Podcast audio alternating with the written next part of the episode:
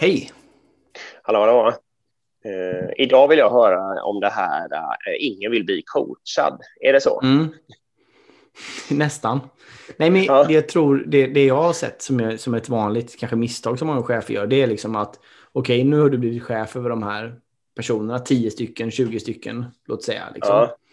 Då bara antar man också att då ska man vara mentor och coach för alla de här människorna. Ja. Och det har jag väldigt svårt för. Ja. Um, för, för ett är ju att ingen människa vill ju bli coachad. Kanske att det finns folk som vill bli det. det kan du, få, du, du kan få utmana det sen. Jag har en annan take ja. där, men kör. Ja, men, men det är bara det här liksom att varför, varför skulle chefen vara bättre person att coacha någon av de här individerna än, en, än någon annan liksom? Nej, man, antar, du förstår, man antar att chefen är ja, bättre bäst. på något sätt. Ja, exakt. Ja. Och nu har jag blivit chef. Aha, då ska jag sitta och coacha alla medarbetare hur de ska bli bättre medarbetare. Det där har jag extremt svårt för. Ehm, det måste ju snarare vara så att det är kanske chefens jobb att se till att det finns möjlighet för människor att få mentorer eller coacher. Ehm, beroende, men det behöver inte vara den personen, chefen, som är det, utan det, det kan, man får se till att hitta någon annan i organisationen eller en medarbetare eller någon som, där, där de kan få utbyte. Liksom. Um, ja, men verkligen. Vad är din take på det? Ja, men min take är, jag har två takes på det här. Och det ena är det här med eh, coachad, ingen vill coacha. Alltså äkta coaching, att en människa ställer öppna frågor och lite hjälper mig att tänka. Eh, men att jag själv måste komma på allting. Det mm. tror jag faktiskt att man, det, eller jag, jag kan prata för mig själv, då. jag vill gärna ha det.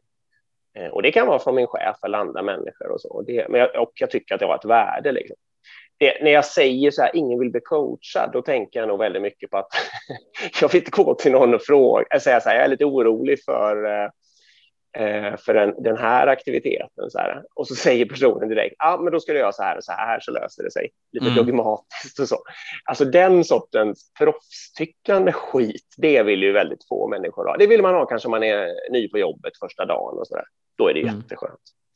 Min andra take på det här är att det finns en sammanblandning i de flestas huvud.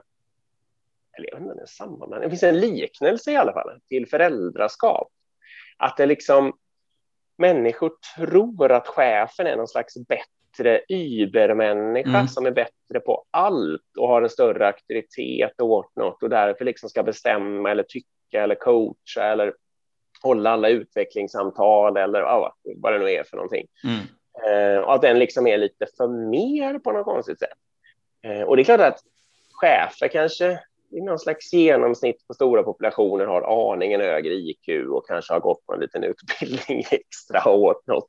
Men det är liksom inte natt och dag-skillnad. Och jobbar man i någon form av kunskapsindustri så finns det ju jättemycket smarta människor som kan coacha varandra och sånt där.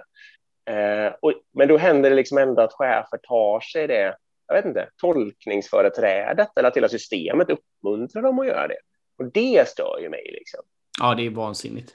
Och jag håller med dig. Och jag tror också väldigt många chefer inte mår bra i att vara chef. För att de försöker hålla fasaden. Ja. Om att veta bättre, om att aldrig tycka saker är jobbigt, om att alltid vara positiv och så vidare. Så många chefer lever, försöker leva upp till den bilden som många tror att chefer ska vara. Och så går de och bränner ut sig på grund av det istället. Liksom. Ja, um, ja, det, ja, det är inte bra för någon liksom. Nu ska det sägas också att jag tycker inte heller att jag är bättre än mina barn på allting. Jag är ju lite den sortens människa som gärna lär mig vissa saker av dem också. Så. Det är klart att jag kanske har lite större möjlighet att se stora sammanhang och undvika faror och lite sådana där grejer. Men jag menar, de är ju liksom smarta och har andra personligheter som kompletterar min och så vidare. Så mm. jag har ju samma människosyn där som jag har i en, i en hierarkisk eh, chefstruktur. Liksom. Nej, verkligen. Och jag håller med. Jag tycker inte, alltså liknelsen kan man inte göra för på så sätt att jag menar, chef är inte en förälder, det är inte barn. På, på det är Nej. precis den, det är den liknelsen som är problemet så att säga i många organisationer. Att man tror att man är en übermensch bara för att man är chef eller att det man säger är viktigare och så vidare. Ja, exakt. Um, mm. Nej, precis. Så se upp med mm. det där att bara automatiskt coacha alla. Det är, det är farlig, farlig väg att gå tycker jag kolla vad de har för behov liksom, och så försöka hjälpa dem med de behoven. Ja, och se till och, och liksom, jag tycker det är bra med som du säger med coaching och mentorskap, men se till att det är drivet utifrån de intressena och att, det, att, ja. att du distribuerar ut i organisationen så du har massor med människor som håller på med det och inte ja. bara cheferna som håller på med det. Bra. Det var allt för idag. Det var det. Tack. Hej. Hej.